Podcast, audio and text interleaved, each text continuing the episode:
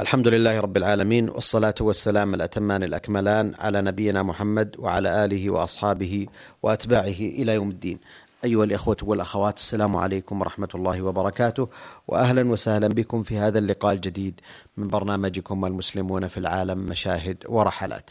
لقاء أسبوعي معتاد نعقده مع ضيفنا الكريم معالي الشيخ محمد بن ناصر العبودي الأمين العام المساعد لرابطة العالم الإسلامي والرحالة والداعية المعروف والذي يتحدث في هذا البرنامج عن بعض من مشاهداته وزياراته لأحوال المسلمين في العالم. معالي الشيخ محمد كان حديثنا في الحلقة الماضية عن بعض المشاهدات التي وقفتم عليها في إقليم أورنبورغ في جنوب روسيا وسردتم العديد من المشاهدات العامة والخاصة وزياراتكم لبعض الأماكن. آمل أن تتكرموا بسرد بقية المشاهدات التي قمتم بالوقوف عليها أثناء زيارتكم لذلك الإقليم. بسم الله الرحمن الرحيم. الحمد لله رب العالمين. اللهم صل وسلم وبارك على عبدك ورسولك محمد وعلى آله وأصحابه أجمعين. ومن تبعهم بإحسان إلى يوم الدين. أما بعد فإن الحديث وقف بنا عند وصولنا بل عند تجولنا في مدينة نوفا إتروسك في إقليم أورنبورغ وهو من الأقاليم الجنوبية لروسيا. بحيث أنه على واقع على حدود الحدود بين قزاقستان وبين جمهورية روسيا الاتحادية في جنوب روسيا وفي شمال قزاقستان. نحن ذهبنا إلى مدينة نوفا إتروسك التي ذكرنا تجولنا فيها من أجل من أجل الاطلاع على أول مسجد يبنى فيها وهو تحت البناء ولما يكتمل بعد. وفي العاشرة ضحى كنا نقف عند المشروع العظيم مشروع أول مسجد يبنى في هذه المدينة مسجد نوفا تروسك وقد بدأ بمساحة أرضه الواسعة بدأ لنا بمساحة أرضه الواسعة المسورة بصور محكم وبما قام من بنائه الذي لا يزال في مرحلة تقرب من مرحلة التأسيس. بدا ضخما رائعا في هذه المنطقة البعيدة المنزوية عن العالم العربي في بعدين مضاعفين. أحدهما بعد روسيا عن العالم العربي والثاني بعد إقليم أورنبورغ عن مراكز الإدارة المعروفة فيها. ثم في بعد هذه المدينة نوفا ترويسك عن عاصمة إقليم أورنبورغ أسرع أخونا ومرافقنا الأخ محمد شاهد يبسط خارطة كبيرة مفصلة لمشروع المسجد لأنه هو رئيس جمعية المسجد حيث ينوون أن يجعلوه مركزا إسلاميا. يشتمل على فندق ومطعم ومدرسة إلى جانب المسجد.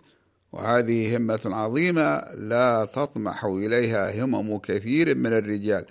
وبخاصة في هذه البلاد التي تكثر فيها المعوقات التي تثبط الهمم هنا.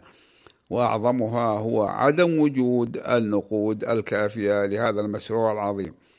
سألت الأخ محمد شاهد عن اسم المسجد فقال إنه مسجد نوفا تروسك لأنه المسجد الوحيد فيها فليس قبله مسجد ولا يوجد في البلدة غيره من المساجد لأن البلدة حديثة النشاه لم يمضي على بدء السكن فيها إلا خمس وأربعون سنة. وأقول ربما كانت أنشئت بسبب مصانع الحديد أو نقول أن استخلاص الحديد وتصنيع واستخراج الحديد من التراب والحجارة. قال ولذلك سميت نوفا إتروسك فنوفا باللغة الروسية تعني جديدة وأما إتروسك فإنها ربما كانت مسماة على اسم بلدة اسمها إتروسك ولكنها بعيدة عنها تبعد بحوالي 300 كيلومتر. غير أن كلمة تروسك تدل في اللغة الروسية على التثليث المشهور في العقيدة النصرانية. صعدنا على خشب مستند إلى المبنى مما يصعد معه العمال إلى داخل مبنى المسجد المرفوع عن ظهر الأرض ولم يبدأوا ببناء شيء من الملحقات بالمسجد بعد وإنما بدأوا العمل بالمسجد أولا. ثم عجزوا عن الحصول على النفقة فتوقفوا إلا أن بعض المتبرعين من المسلمين الذين يأتون للعمل في المسجد متبرعين بجهودهم لا بمالهم لأنه لا أموال لديهم. وإنما يعملون في المسجد في أوقات العطل والراحة يعملون في المسجد بالمجان محتسبين الأجر من الله تعالى. وقد حدثونا عنهم بما هو مشجع بل إنه مؤثر إن لم نقل إنه مبكي. كيف يضطر المسلم الذي يعمل في مصانع الحديد أن آه، آه، يوفر وقته آه، وقت الراحة ويعمل في المسجد عملا يدويا شاقا في البناء مجانا؟ كل ذلك محتسب للأجر وحريصا على أن المسجد يستمر العمل فيه. وقد رأينا منهم في المسجد اثنين الذين قدموهما لنا. أحدهما اسمه جميل ابن عبد الله وهو مدرس في المعهد الهندسي في البلدة.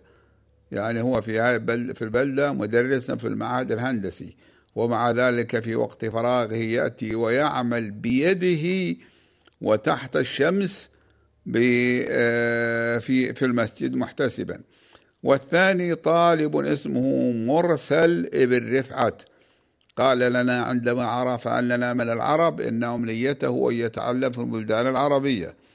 وجدنا مبنى المسجد عظيما حقا فهو واسع مرفوع على الأرض وبناؤه بالإسمنت المسلح القوي وبالآجر الأحمر. يعني اللبن من الآجر الأحمر بحيث يجزم من يراه بأن الأخوة الذين قاموا على بنائهم كان عملهم خالصا لوجه الله. لأنهم لم يبحثوا عن الأرخص من الأسعار والأشياء وإنما بحثوا عن الأقوى والأفضل لبناء المسجد وبقائه على السنين رغم قلة النقود بل رغم قلة الأنصار وعدم العون ممن يستطيعون العون لهم من المسلمين. وقد قال الأخ محمد شاهد رئيس جمعية المسجد بمرارة إن العمل متوقف في بناء المسجد منذ ثلاث سنين. وقال لقد ذهبت إلى موسكو أطلب العون من الهيئات الإسلامية هناك ورجعت بدون نتيجة لأنهم قالوا إننا لا نساعدكم إلا إذا زرناكم ورأينا المشروع بأنفسنا. قال ولم يزرنا أحد منهم حتى الآن. ومما يبعث على التأثر أنه قال إن المساعدة الوحيدة جاءتنا من أخواننا اللاجئين البوسنويين. الذين كانوا يأتون إلينا يساعدوننا في بنائه متبرعين بالعمل بأنفسهم. وإلا فإنهم لا يملكون ما لا يقدمونه وأظن أنه قال إنكم أول وفد من بلد إسلامي يصل إلى هذه المدينة يقصد زيارتنا ورؤية المسجد. ولكنني أنا المتكلم إليكم لم أتحقق من أنه قال ذلك بالحرف. وربما قال معناه. لأنني كنت أتحدث مع هذه الأخوة عندما كان يخبرني بذلك. كان الحديث كله يدور بالتتارية التي يحسنها رفيقنا في الوفد في وفد رابطة العالم الإسلامي الأستاذ رحمة الله بن عناية الله المدير العام للمؤتمرات والدراسات في الرابطة فيترجمه بالعربية. أو يترجمه إلى الروسية. مرافقنا من أورنبورغ مدير الإدارة الدينية فيها الشيخ عبد الباري خير الله. ويترجمه للعربية من الروسية وبالعكس. وقول أخينا محمد شاهد إنه ذهب إلى موسكو. كأنما كان يظن أنها آخر الدنيا. والمفروض في مثل هذا المشروع العظيم أن يذهب القائمون عليه إلى البلدان الإسلامية إن استطاعوا إلى ذلك سبيلا. ثم إن مواطن التبرع بالمال ومواضعها هي في البلدان العربية وبخاصة المطلة, المطلة منها على الخليج العربي ولم يفعلوا شيء من ذلك. بل إننا ونحن في رابطة العالم الإسلامي لم نعرف عنه أي شيء. وقال معتذرا إننا طلبنا من الإدارة الدينية في مدينة أوفا عاصمة جمهورية بشقردستان في روسيا أن يساعدونا ولم يفعلوا. فقلت له لقد ساقنا حسن حظنا أن رأينا مشروعكم العظيم وإننا ونحن على جناح سفر لا نستطيع فيه أن نحمل المبالغ المالية الكبيرة. نستطيع أن نقدم الآن مبلغا رمسيا يحرك العمل في المسجد. ونعلم أنكم إذا أنفقتموه ولم تجدوا تبرعات أخرى وكتبتم لنا بذلك بوساطة أخينا الحاضر معنا مفتي إقليم أورنبورغ. وشفع ذلك بتوصية منه أن نرسل إليكم مساعدة مجزية من رابطة العالم الإسلامي في مكة المكرمة. تسلم إليكم في موقع العمل وبحضور المفتي حين يحملها مدير مكتب رابطة العالم الإسلامي في موسكو. يحملها إليكم من موسكو أو ترسل إليكم بوساطة الإدارة الدينية في أورنبورغ ومن الأمثلة على قوة العمل في المسجد أن مصلى النساء بنوا حيطانه من الآجر الأحمر المزدوج. حتى يساعد على عزل البرودة في الشتاء. وقد بنوه منفصلا بطبيعته عن المسجد وإن لم يكن منفصلا بفراغ. يعني جعلوا قسم النساء متصل ولكنه منفصل عن قسم الرجال. وهذا أمر هو الذي كان موجود في كثير من المساجد في القديم. أن يكون هنالك حاجز بسيط من قماش أو من حائط قصير بين قسم الرجال وقسم النساء. كما أنهم بنوا أسفل المنارة بالإسمنت المسلح العريض القوي. وقد انتهى من بناء المنارة ما علوه ستة أمتار ويزمعون أن يرفعوه إلى 25 مترا. ولقد صعدنا إلى جزء أتم صب سقفه من المسجد وهو مرتفع. فالتقطنا صورا تذكارية مع هؤلاء الأخوة المتبرعين بالعمل بأنفسهم في المسجد وكان الجو صاحيا والشمس حارة حرارة شمس الربيع في بلادنا. لذلك وجدنا عند هؤلاء الأخوة زجاجة ماء كبيرة يشربون منها يرطبون بها أجسادهم. وفي مكتب خشبي مؤقت كان المقعد فيه لوحا من الخشب جعلوه على هيئة مقعد مستطيل وكان أحب إلي من الوقع من المقعد الوثير الذي لا ينفع الإسلام والمسلمين. فبسطوا أمامنا الخارطة التفصيلية لهذا المركز الإسلامي التي ظهر فيها إلى جانب ما ذكرته مشروع مبنى مكتبة جيدة ومسكن للإمام إمام المسجد ومسكن للمؤذن أي مؤذن المسجد. وحينما كانوا يحدثوننا بذلك الحديث عن المسجد وأنا أرى حماستهم وأستمع إلى شكواهم من قلة المساعدة على بناء المسجد كنت أقول لهم إنهم جنود مجهولين وأقول هذا لنفسي أولا وأقرأ في نفسي قول الله تعالى في كتابه العزيز وإن تتولوا يستبدل قوما غيركم ثم لا يكونوا أمثالكم فقد تولى بعض بني قومنا عن البحث عن إخوانهم المسلمين المحتاجين وإيصال بعض ما أعطاهم الله تعالى من مال إليهم.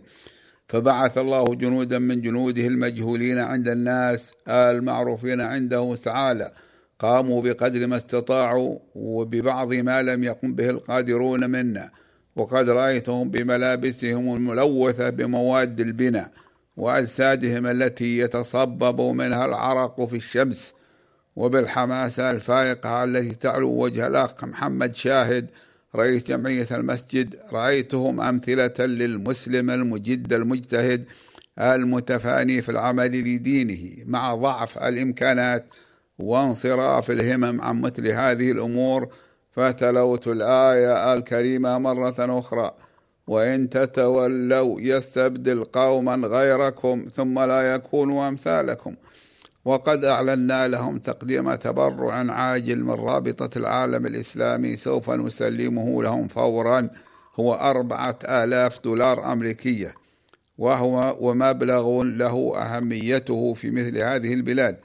وإن كان يعتبر صغيرا في بلادنا وذلك لتدني عملتهم الوطنية وتقلص الثروات من المواطنين وضعف مرتباتهم بل ضعف دخولهم على وجه الإجمال بعد أن طلقوا الشيوعية ولم يكونوا حصلوا على ثروات بديلة عنها. وأما الآن وقد تحدثنا معكم ونحن في نتكلم عنهم في ذلك الوقت. فقد حسنت حالهم كثيرا وحسن الاقتصاد الروسي بما لا نسبة له فهو الآن أفضل بكثير. والناس الآن رواتبهم أفضل وصاروا يلبسون أكثر ويسكن يلبسون أحسن ويسكنون أفضل. وكذلك آه، آه، أحوالهم على وجه العموم. قلت لهم آه، للأخ محمد شاهد أن يحضر الأوراق والأختام الرسمية للمسجد. فقال إنه مسجل رسميا في الدوائر القانونية الحكومية. فقلت هذا أولى أن تحضروها. وأن يحضر, يحضر معه أيضا اثنين أو ثلاثة من العاملين معه في جمعية المسجد. يكون منهم إذا أمكن خازن الجمعية وهو المسمى بالمحاسب. فانطلق مسرعا بسيارته. وظللنا في هذا المكتب الخشبي الخشن المؤقت جالسين على المقعد الخشبي المستطيل بدون ظهر أو يدين. ووضعنا في أيدي الأخوين الكريمين المتبرعين مبلغا قليلا. بمثابة الصلة الرمزية من إخوانهم القادمين من مكة المكرمة وهي هدية شخصية. لقد جاء الأخ محمد شاهد ومعه اثنان من أعضاء الجمعية أحدهما الخازن. فدفعنا لهم جميعا أربعة آلاف دولار أمريكية نقدا بحضور المفتي والمسؤولين في الجمعية وحضور الأخوين العاملين المتبرعين. وطلبنا منه أن يوافي المفتي بكيفية صرف هذا المبلغ على المسجد. من أجل أن يكتبه لنا بذلك إلى مكة المكرمة وأعطيناهم عناويننا وأرشدناهم إلى كيفية الكتابة لطلب المساعدة في المستقبل. هذا ويبلغ عدد سكان نوفا ترويسك 106 آلاف نسمة حسب آخر إحصاء رسمي أجرته الحكومة وتبلغ نسبة المسلمين بينهم 15% وهذه نسبة طيبة وإن كانت المنطقة في القديم في الزمن التاريخي القديم هي منطقة مسلمين وهؤلاء المسلمون الآن الذين هم يؤلفون 15% لماذا؟ لأن هنالك أناس كثر هجروا جاءوا ليعملوا في مصانع الحديد من العمال المهرة ومن المهندسين وغيرهم قال لنا الإخوة أن المسلمين الذين تبلغ نسبتهم في مدينة نوفا يتروسك ينتمون إلى قوميات متعددة حسب العادة الشيوعية التي لا تحصي الناس حسب أديانهم وإنما حسب قومياتهم. إلا أنه من المعروف أن بعض القوميات تتألف كلها من المسلمين كالتتار والقازاق وبعضها تتألف كلها من المسيحيين أو الشيوعيين أي من غير المسلمين كالروس والأوكرانيين. فالتتار من سكان المدينة يؤلفون مع إخوانهم القزاق والبشقرز الأكثرية الغالبة من المسلمين ونسبة 15% بالمدينة من المسلمين ليست قليلة ففيها بركة إذا قاموا وبذلوا ما يستطيعون لأمور دينهم وساعدهم المسلمون من إخوانهم من خارج الحدود مثل بلادنا العزيزة الكريمة التي تسارع إلى مساعدة المسلمين. فإنهم من العدد لا بأس به ولله الحمد. وحدثنا الإخوة عن بلدتهم بأنها قائمة على تعدين الحديد وعلى صناعة الإسمنت أيضا إذ توجد الحجارة الصالحة للإسمنت بجانبها. لذلك وجدت فيها مصانع للإسمنت لا تبعد عن مجرى نهر الأورال إلا بثمانية كيلومترات. وهو الذي رأينا واديه الذي يجري فيه أخضر من الطريق وإن لم نمر به مباشرة. وغادرنا مدينة نوفا إترويسك في الساعة الثانية عشرة والنصف ظهرا قاصدين العودة إلى مدينة أورنبورغ عاصمة إقليم أورنبورغ بطريق البر وليس بالجو لأنه لا توجد رحلة جوية إليها إلا صباح غد. وليس في إمكاننا أن نضيع وقتا إلى الغد لا سيما أننا قد حجزنا للسفر جوا في التاسعة من صباح الغد إلى مدينة سمارا عاصمة إقليم سمارا في جنوب روسيا. وقد كرم أهل هذه البلدة نوفا إترويسك فأعطونا سيارة إحدى المؤسسات العامة وهي حافلة صغيرة مع سائقها لإيصالنا إلى مدينة أورنبورغ التي تبعد عن نوفا إترويسك 355 كيلومترا. أي مثل المسافة التي بين الرياض وبين مدينة بريدة. وقالوا هذه منحة من سكان المدينة لكم لإيصالها لكم بالمجان. شكرنا لهم ذلك وأهم من ذلك هو عواطفهم التي هم أظهروها بإعطائنا هذه السيارة. وليس معنى ذلك أننا آه، محتاجون إلى هذا.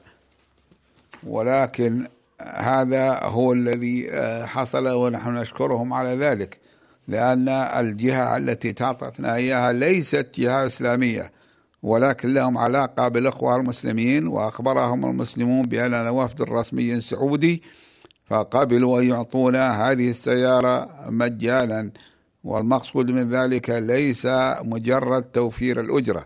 فقد أغنانا الله عن أن ننظر إلى مثل هذه الأمور ولكنه المعنى الرمزي لهذا الإكرام. ولم نعد إلى الطريق الذي جئنا معه من مدينة أرسك وإنما رجع وإنما سرنا مع طريق إسفلتي لا بأس بجودته بل إنه جيد لولا ضيق فيه ويذهب مباشرة إلى مدينة أورنبورغ. فمررنا في ضاحية نوفا إترويسك المدينة التي كنا فيها وفيها المسجد كما قدمت. مررنا بجبل من نفايات التراب الذي استخرج من منه الحديد ولم نقف عنده أيضا وإلا هو يستحق الوقوف عنده وتأمله. وقد أسرع السائق بالخروج من منطقة البلدة وتبين أن هذا سيكون دأبه في الإسراع في السفر وهو أمر نريده لولا أننا نخاف عاقبته لا سيما في هذا الطريق الضيق الذي تتقابل فيه السيارات لا يفصل بينها إلا خط أبيض. كان المنظر من الطريق عندما فرقنا مدينة نوفا تروسك ريفيا أكثر ما يشاهد في حقول القمح الحصيد الذي تركوا فيه أجزاء من قصبه لم تحصدها الحصادات. فاختلطت ببعض الأعشاب التي نبتت من مطر صيفي سابق وصارت بذلك مراتع جيدة للماشية الراعية إلا أن الماشية قليلة رغم إمكان إكثارها وسهولة ذلك لولا مشقة خزن أعلافها لفصل الشتاء الطويل. وأغلب السيارات الموجودة في الطريق الآن هي ناقلات كبيرة كما قلنا وبعضها قلبات ضخمة. ومن المناظر اللافتة هنا أن جرارا زراعيا قد عرض عليه صاحبه أخشابا وحمل عليه مقدارا كبيرا من العلف فصار بعرض سيارتين واستأثر بالطريق كله بحيث تضطر السيارات التي تقابله أو تريد أن تسبقه إلى التريث أو التوقف حتى تجد فرصة للمرور. وأما سائقنا فإنه كالسائقين الروس الذين عرفناهم في أماكن أنا عرفتهم في أماكن عدة من روسيا. فهو روسي صامت على عادة عادة السائقين الروس. فهم لا يتكلمون مع الركاب ويحس الواحد منا كأنما الرجل السائق الروسي آلة من الآلات. ومر الطريق بقرية اسمها يوجني روسية خالصة للروس بمعنى أنه لا يوجد بين سكانها أحد من المسلمين. وتتميز الأرض التي حول القرية بالخصب والعناية. ومن ذلك أننا رأيناهم كوموا أكواما هائلة من علف الماشية الذي كانوا حشوه من الأعشاب ليجعلوه علفا للماشية يخزنونه في الشتاء. وفيها حقول زراعية بل تقع القرية وسط منطقة خضراء ضيقة. وبعدها رأينا أرضا سوداء قد حرقت الأعشاب الوحشية والأشجار الصغيرة فيها من أجل تنظيفها ومن أجل وكذلك حرقت الأشجار البرية. فأصبحت الأرض محترقة فحرثوها حتى تخصبها الشمس بعد أن أخصبها رماد الأعشاب المحروقة. وفيها حقول خلط ذكروا أنهم زرعوا فيها علفا للحيوان. وصل الطريق إلى واد بين جبال جرد من النبات وفي الوادي قرية اسمها كيدر باسوفا. وهي ذات بيوت متفرقة غير متلاصقة وتبدو كأنما هي الأكواخ لرداءاتها وقف السائق مع بعض الشاحنات التي رأيناها واقفة في منحدر الوادي. ومع سائق الشاحنات زجاجات كبيرة من اللدائن الخفيفة فارغة. تبين أنهم يملؤونها من نبع ماء في الوادي. ونزل سائقنا من السيارة فشرب من النبع وأحضر منه ماء في زجاجات. ولا أدري السبب في كونهم لا يأخذون منه بوعية كبيرة. ولم يذكر مرافقنا الشيخ المفتي شيئا عنه إلا أنه ماء نبع صاف فلم يذكر أنه معدني ولم يعرف أكثر من ذلك. وبهذا صح ما أحسست به أكثر من مرة عندما أصل إلى المملكة من الهند حيث أجد أن الهواء النقي غير الملوث بأدخنة السيارات ولا بالروائح الكريهة من المواد الأخرى هو أمر ذو بال يستحق الفرح والابتهاج. وهم هنا يعيشون في جو المدن الملوث أو الهواء الملوث. وبخاصة أن موقع التجارب النووية الروسية لا يبعد عن هذه المنطقة من إقليم أورنبورغ إلا بنحو ألف كيلو متر مربع. وصلنا إلى واد متسع يعني سرنا ووصلنا إلى واد متسع خصب تقع فيها قرية بادر المفتي الشيخ عبد الباري بالقول إن أهلها من المسلمين لهم مسجد. ففرحنا بذلك. إلا أن فرحنا انقلب إلى ترح كما سيأتي. أول ما استرعى انتباهي في القرية أكوام من التبن ومن علف الماشية مكومة فوق السطوح لكي تقيها عفو لكي تقيها عفولة المطر وإفساد الثلج الذي يركبها فيما إذا بقيت على الأرض. وقد ذكرني ذلك ببلاد وقرى في شمال الصين البارد وشمالها الغربي. رأيت أهلها يضعون فيها تبن الأرز والقمح فوق سطوح منازلهم أو فوق سطوح غرف فيها. ورأيت مشهدين شد انتباهي. رأيتهما هنا. أحدهما مشهد عدد من شبان القرية وصبيانها يسيرون في شوارعها الترابية بسروال وليس على أجسادهم شيء من اللباس. وذلك لكي يخزنوا شمس الصيف لحرمانهم منها في الشتاء وشيء تافه آخر وهو شدة سواد الغربان فيها رغم شدة بياض الناس. وقد رأيت رثيت للسائق في هذه القرية وهو يسير بسيارته ترتفع وتنخفض مع الحفر والنقر التي في الشوارع شوارع القرية لأنها غير مزفلتة. بخلاف الطريق الذي كنا نسير معه فإنه مزفت وجيد. كانت السيارة تتمايل ونحن نتمايل معها ذات اليمين والشمال مرغمين. كان سبب دخولنا لهذه القرية هو لرؤية مسجد فيها وحيد وقد رأينا منارته ظاهرة بارزة بسبب تطامن بيوت القرية التي لا تزيد على طابق واحد لكونها بيوت ريفية أغلبها للفلاحين. ودلنا على حالة المسجد منظر منارته التي لم ترمم ولم تجدد إلا أن ذلك على سوءه كان أقل صدمة من حالة المسجد نفسه. فقد رأيناه مهملا على بابه عدد من من الأبقار من جهة وعلى باب له آخر عدد من الماعز من جهة أخرى. وتبين أن الأمر أسوأ من ذلك. إذ لاحظنا أنه قد تحول المسجد قد تحول إلى زريبة للحيوان وأنه مليء بالأبقار والماعز وأن داخله قد صار مزبلة عفنة من روث الأبقار وأنه لا يصلى فيه بل هو مسجد مهجور والمسجد نفسه قد أصابه الخراب وأهم ذلك ما كان من سقفه ناحية القبلة حيث المطر والثلج يسقط منه على أرض المسجد. والغريب أن البقر اختارت أن يربض تربض فيه من باب العادة وإلا فإن الجو ليس باردا ولا حارا يحوجها إلى أن تبحث عن مكان مسقوف ولا البقر نفسه على حالة جيدة من السمن وكذلك الماعز الكبير الحجم ولكن مبنى المسجد على حالة زرية بل مهينة للمسلمين من أهل هذا الإقليم كلهم وليس لأهل هذه القرية وحدهم. وقلت للمفتي المسؤول عن هذا الأمر لماذا يترك المسجد هكذا ولا مسجد للمسلمين من أهل القرية غيره؟ فقال إنهم يقولون إنهم يحبون إصلاحه ولكنهم لا يستطيعون ذلك لضعف إمكاناتهم المالية.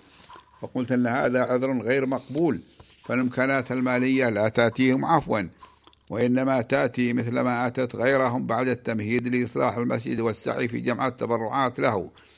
ولن يضير المسلمين في القرية أن يستغنوا حتى عن وجبة من وجبات الطعام واحدة في الأسبوع فيجمعوا من ذلك ما يستطيعون أن يفتحوا به باب التبرع للمسجد مثل ما فعل إخوان لهم في الإسلام من أهل الهند قبل خمسين سنة عندما رأوا أن الجماعات النصرانية قد افتتحت ملاجئ الأيتام تربيهم وتعلمهم تربية مخالفة للإسلام.